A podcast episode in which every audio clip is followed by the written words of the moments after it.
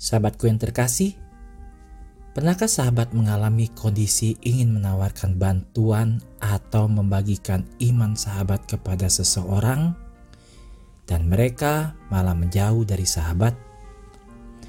Senin 30 Agustus bacaan Injil diambil dari Lukas 4 ayat 16 sampai dengan 30. Ia datang ke Nazaret tempat ia dibesarkan dan menurut kebiasaannya pada hari sabat, ia masuk ke rumah ibadat lalu berdiri hendak membaca dari Alkitab.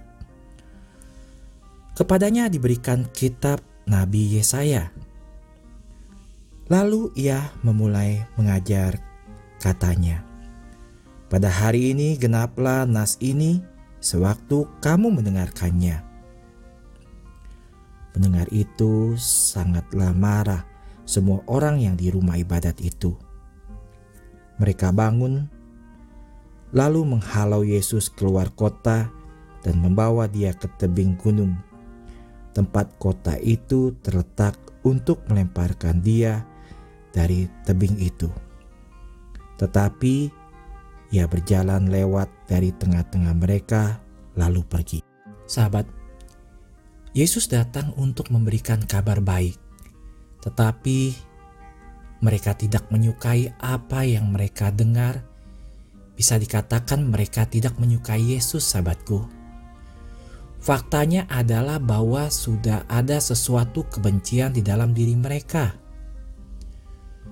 Ketika kita tidak suka dengan kebijaksanaan pemerintah, himbauan pemerintah untuk melaksanakan vaksinasi kepada semua masyarakat kita bisa anggap ini sebagai pemaksaan dan kita juga menghindar untuk melakukan vaksinasi ini. Sahabat, kita beranggapan pemerintah tidak bisa memaksa vaksinasi pada masyarakat.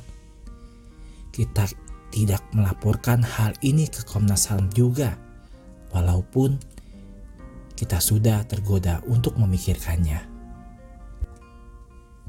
Sama seperti dalam kehidupan Yesus, banyak orang kudus harus berjuang melawan penganiayaan kekerasan yang serupa. Tetapi Yesus tidak menjawab balik atau panik. Injil mengatakan bahwa ia melewati tengah-tengah mereka, ia pergi. Dan orang-orang kudus dan semua orang Kristen akan selalu melakukan hal yang sama juga sahabatku mereka melewati tanpa ragu dan pergi mencoba ke tempat yang baru.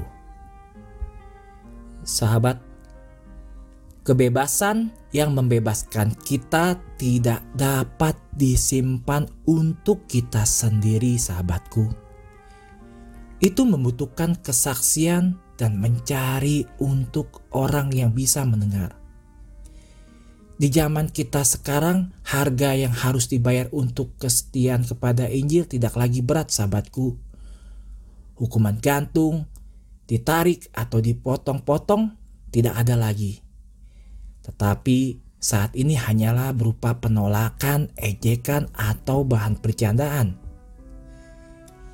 Bapak Paus Benedictus ke-16 berkata, gereja tidak dapat menarik diri dari tugas mewartakan Kristus dan Injilnya. Sudahkah sahabat memulai memberitakan kebenaran? Siapkah sahabat untuk menolak ejekan ataupun bahan bercandaan? Maria, Ratu para Rasul, dengan bantuan Anda, semoga saya tidak pernah goyah ketika harus bersaksi tentang kebenaran. Bunda Maria harapan kita dan tata kebijaksanaan, doakanlah kami.